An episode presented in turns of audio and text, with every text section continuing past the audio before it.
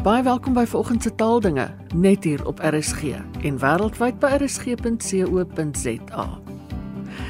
Ek vermoed dat 'n mens die Latynse uitdrukking dat daar altyd iets nuuts uit Afrika is op die Virtuele Instituut vir Afrikaans kan toepas. Ek praat vandag met Viva se taalkundige skrywer en onderrig leermateriaal ontwerper, Nadine Forsie Karsten, oor 'n kongres wat hulle onlangs bygewoon het. Nadine, jy het in Junie die Small Languages Big Ideas konferensie in Oldenburg, Duitsland bygewoon. Vertel my 'n bietjie meer oor die tipe lande wat hierdie konferensie bygewoon het en die tema van klein tale, groot idees. Goed, die konferensie is gesamentlik deur die Universiteit van Oldenburg en die Universiteit van Groningen aangebied en ons het meer as 100 kongreshangers wat hierdie konferensie bygewoon het om na sprekers vanaf verskillende wêrelddele te luister. Daar was navorsers soos Dr. Ton van der Wouden van die Meertens Instituut in Amsterdam, Clara Miller Broomfield en Jennifer Cox van Indiana University in Bloomington, Illinois, Dr. Bart Bloom van Universiteit Potsdam in Duitsland en selfs sprekers vanaf die Universiteit in Budapest en die Universiteit in Tsjechië. Nou die tema Small Languages Big Ideas of groot klein tale groot idees het aangesluit by die ondersoek fokus van die verskeie aanbiedings wat deel van hierdie konferensie gevorm het, naamlik die belangrikheid van verskillende tale en verskeie variëteite van tale wat as klein beskou word.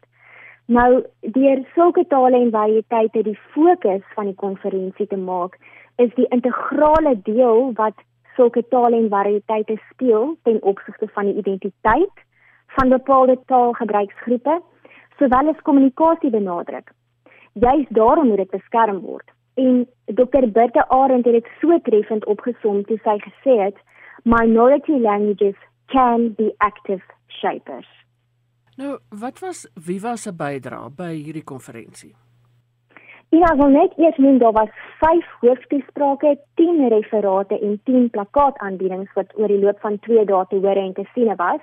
En Viva se bydrae was 'n kleurvolle plakkaataanbieding en met hierdie plakkaataanbieding wou ons ons grammatika pipeline aan kongreshangers bekendstel. Met ander woorde ons wou aandui hoe die patrone van die taal die grammatika met ander woorde vir taalgebruikers toeganklik gemaak word deur middel van verskillende fases en hierdie verskillende fases vorm saam ons grammatika pipeline die eerste fase is natuurlik taalportaal waar navorsing oor die grammatika of die patrone van die taal deur vakspesialiste en taalnavorsers van internasionale statuur onderneem en in Engels gepubliseer is. Die volgende fase is die algemene Afrikaanse grammatika, ook bekend as AAG, waar die inligting in taalportaal asook ouer standaard standaardwerke as vertrekpunt neem en spesifiek op universiteitsstudente en dosente wat linguistiek as module neem of die seer afgestem is. En laastens is die Afrikaanse skool grammatika, ook bekend as ASG, 'n direkte van die algemene Afrikaanse grammatika. Dit is die laaste fase wat ons wou uitbeeld. En dit is geskep vir onderwysstudente, Afrikaans onderwysers asook leerders in graad 10 tot 12 en dit bevat die inhoud wat nodig is om te voldoen aan die vereistes wat in die Afrikaanse syllabus op skoolvlak gestel word. So hierdie hele um, grammatika pipeline wat dit um, sopas beskryf het, is wat ons graag visueel tydens hierdie konferensie wou uitbeeld en wel uitgebeeld het. Was Viva dan nou die enigste organisasie of navorsers wat Afrikaans as taal by hulle aanbieding betrek het want ek het nou agtergekom daar's groot internasionale belangstelling in Afrikaans as vak. Daar is groot internasionale belangstelling in Afrikaans as vak en wat vir my nog opvallend is is dat Afrikaans um, betrek is tydens die aanbieding van Martin Convicta. Nou hy is nie eers 'n Suid-Afrikaanse of 'n Afrikaanse navorser nie, maar 'n akademikus aan die Vrye Universiteit in Berlin. En hy het gaan kyk na want X konstruksies. Iets soos but Iowa still wants to sell X to California because money. En hy het agtergekom dat sulke want X konstruksies in Afrikaans voorkom en dat dit selfs in groter tale soos Engels, Duits, Nederlands en Deens voorkom. Nou hierdie tipe bevinding raak in die voorkoms van sulke taal nie spesifieke konstruksies kan enerzijds tot samewerkingsooreenkomste lei en anderzijds navorsingsmoontlikhede vir die virtuele instituut vir Afrikaans skep om self te bepaal of sulke konstruksies wel karakteriserend van Afrikaans is. Is daar enige onderwerpe waaroor verslag gedoen is wat vir die Suid-Afrikaanse konteks veral uh, relevant is? Ja, um, die belangrikheid van moedertaalonderrig is beklemtoon.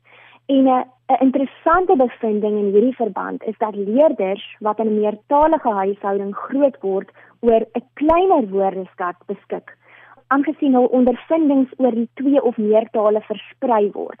Nou dit word distributed vocabulary genoem. Met ander woorde, tydens die keuse van 'n geskikte woord vir 'n betrokke saak, is daar kompetisie vir seleksie. Kom ek gee gou 'n voorbeeld hiervan.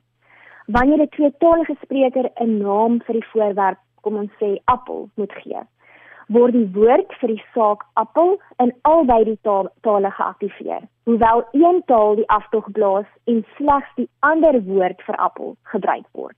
So moedertaalonderrig het vir my veral sterk na vore gekom en dan wat ook uitgestaan het is die belangrikheid van digitisering en die feit dat ons in 'n digitale prestasie era leef. Wat word by digitisering bedoel? By digitisering is dit die die aan die beskikbaarstelling van produkte en dienste en materiaal binne 'n digitale omgewing. Dit is wat ek onder digitisering verstaan. So partykeer kry 'n mens, kom ons vat 'n voorbeeld, in Afrikaans kry mens dikwels 'n le leesbaarheidsindeks of nie in Afrikaans nie in tale kry jy mens iets soos 'n leesbaarheidsindeks wat jy kan gebruik om die moeilikheidsgraad van 'n teks te bepaal. Dit is 'n formule wat jy kan gebruik en baie keer word dit met die hand uitgewerk soos wat ons in Afrikaans met die misindeks van kombrink maak, maar wat 'n mens dan kan doen is jy digitiseer dit. So jy maak dit beskikbaar aanlyn as 'n formule wat wat taalgebruikers kan gebruik. En hierdie digitisering hou verband met Viva se doelstelling om omvattende digitale en ander hulpbronne, hulpmiddels en platforms vir gesproke en geskrewe Afrikaans te ontwikkel. Dit hou direk met ons doelstelling verband. Ja, want ek wil nou juist vra hoe uh hierdie temas wat by die kongres bespreek is of ter sprake gekom het aanpas by die doelwitte van die virtuele instituut vir Afrikaans? Absoluut. Ja, soos so wat ek nou net genoem het, is digitisering een van ons primêre doelwitte. Om um, gaan kyk mense na taalonderrigportaal, is daar digitale hulpbronne. Daar is plakkate byvoorbeeld vir die klaskamer, daar is audiostukke, daar is potsendings. Um ons aanlyn lees en luister biblioteek het aanlyn tekste en en ek net vir jou iets interessants te vertel, maar die digitisering, die feit dat ons in 'n digitale era leef en ons wat by die virtuele instituut vir Afrikaans werk, digitaal te werk gaan in ons hoedanigheid um skep ons geleenthede om self op die pad te werk. So op pad na Duitsland in die trein het ek en Marley Kotse ons uitvoerende bestuurder die lees en luister app wat onlangs beskikbaar gestel is, se verskillende funksionaliteite getoets.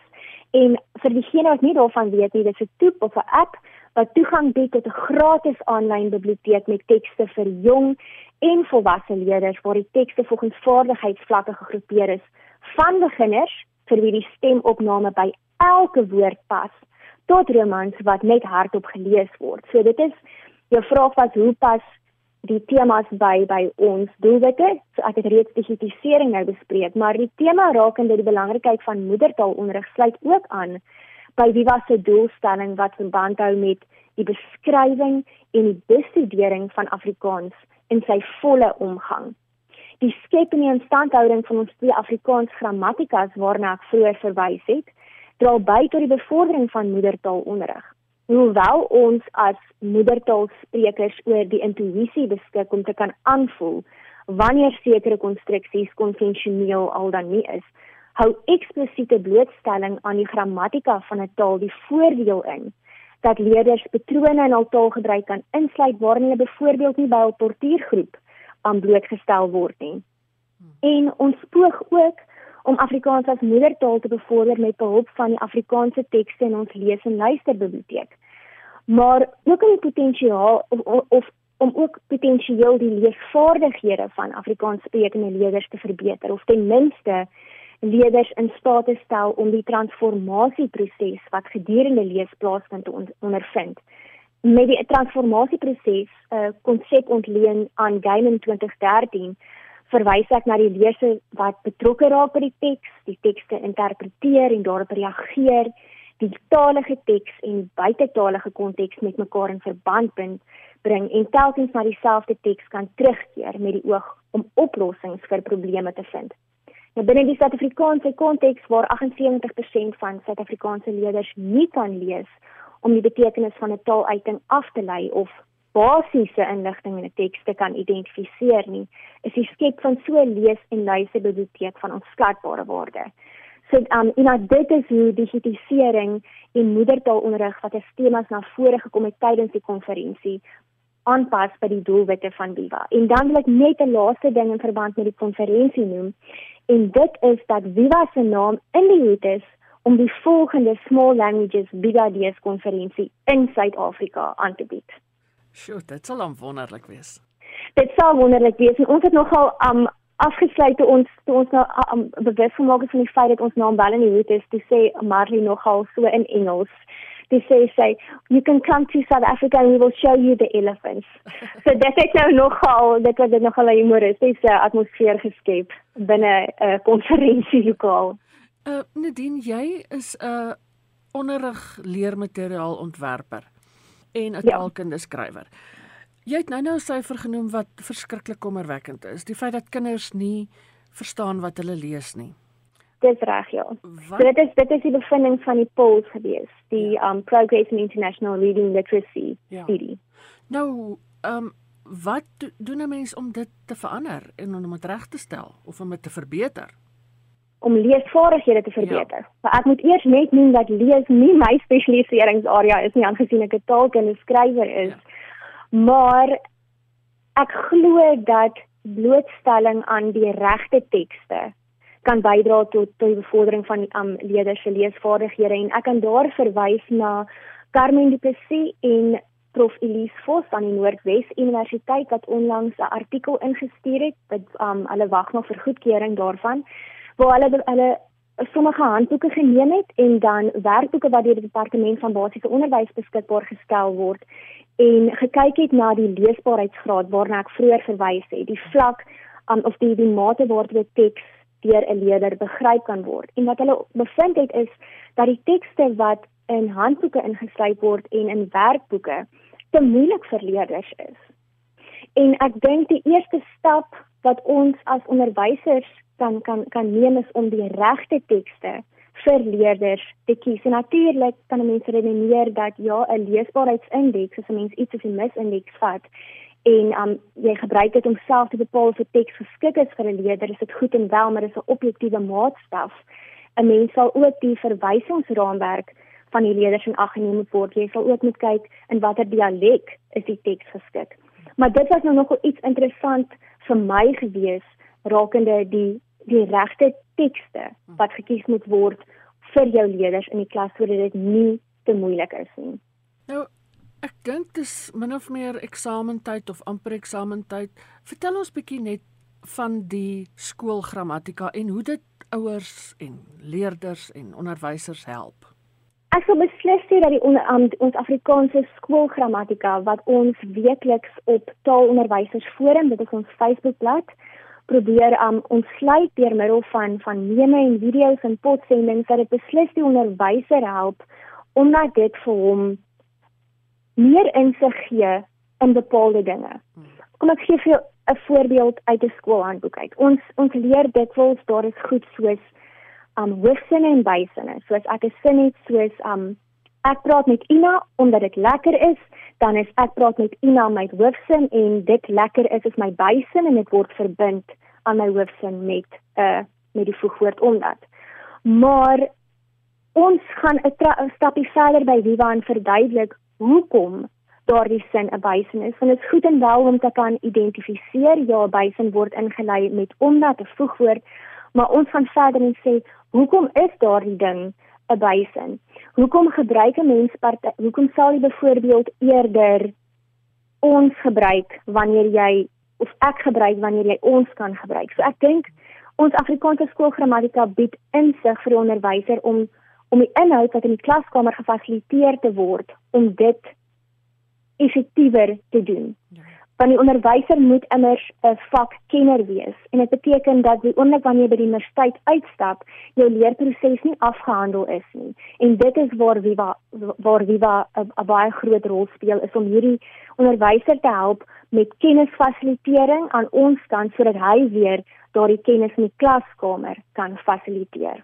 En ek wil asseblief onderwysers uitnooi om by taalonderwysersforum aan te sluit. Dit dit is dos interessante gesprekke wat plaasvind. Ja, soms wyk ons inligting in ons Afrikaanse skoolgrammatika juis af van dit wat in skoolhandboeke behandel word, maar ons probeer telkens vir onderwyser aandui dat dit wel verskil, hoekom dit verskil en waarom wie was hulle benadering eintlik um die benadering is wat teoreties gefundeer is en belyn is met die nuutste internasionale navorsing. Ja, want ek dink eh, ons het almal goeters in die skool geleer um wat mens nou later agterkom beslis nie die wet van mede en perse is nie, maar dat dit waarskynlik 'n algemene reël is wat dit net makliker maak om vir kinders goed te verduidelik. Ek dink nou aan iets soos, ja. ja, en ek dink nou aan iets soos die werkwoord wat altyd aan die einde van die sin moet staan. En dis gewoon nie waar nie dit dit is so, so dit is nie waar nie en ek verstaan dat op skool werk jy met 'n pedagogiese grammatika. Ja. Dis nie soos op universiteitsvlak waar jy 'n beskrywende grammatika het wat wat omvangryker is nie. Um ek verstaan leerders kort, kom ons sê net maar reëls, hoewel ek nie mal is oor die woord reëls nie. Hulle hulle hulle kort net half 'n uh, 'n uh, 'n vereenvoudigde samestelling van patrone in die taal. Ek ek verstaan dit, maar dit is soos jy sê, sekere dinge word veralgemeen en dit is nie waar nie. Die werkwoord hoef nie altyd aan die einde van die sin te staan nie, want wat as jou sin te lank word? Ja. Dan gaan jy dit uiteraard vorentoe skuif. Ja. En dit is sodat ons byvoorbeeld vir verdedigers sê gebruik die woord waarop, die stoel waarop ek sit is hard, maar 'n mens moet nog steeds daarvan bewus maak dat waarop hoewel ons dit verkies in geskrewe taal, dat dit nog steeds partykeer ons praat van op wat wanneer ons bloot met ons maats gesels. Ja. En en dit is waar die Afrikaanse skoolgrammatika hierdie tipe leiding aan ons aan Afrikaans onderwysers bied en ek vir hulle sê daar is meer daar buite as wat tans in skoolhandboeke staan en ek praat geen sin skoolhandboeke af nie of skoolhandboeke af nie.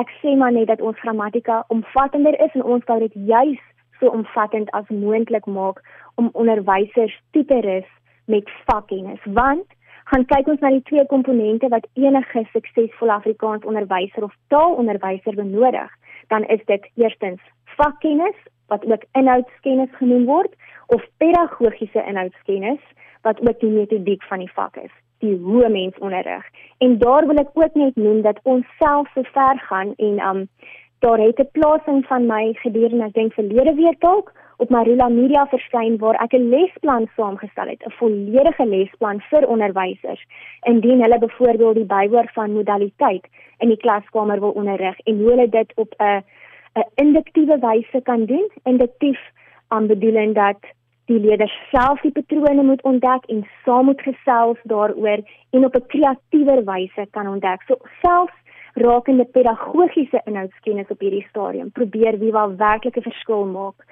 um, om ons onderwysers met kennis en vaardighede toe te rus. Dit was wie was 'n taalkunde skrywer en onderrigmateriaal ontwerper Nadine Fouché Karsten. En dis dan al vir vandag. Vandag se program en al die vorige programme is as potgoed beskikbaar by rsg.co.za as jy weer daarna wil luister. Geniet die res van die dag in RSG se geselskap. Bly veilig, bly gesond en van my Ina Strydom Groete tot 'n volgende keer.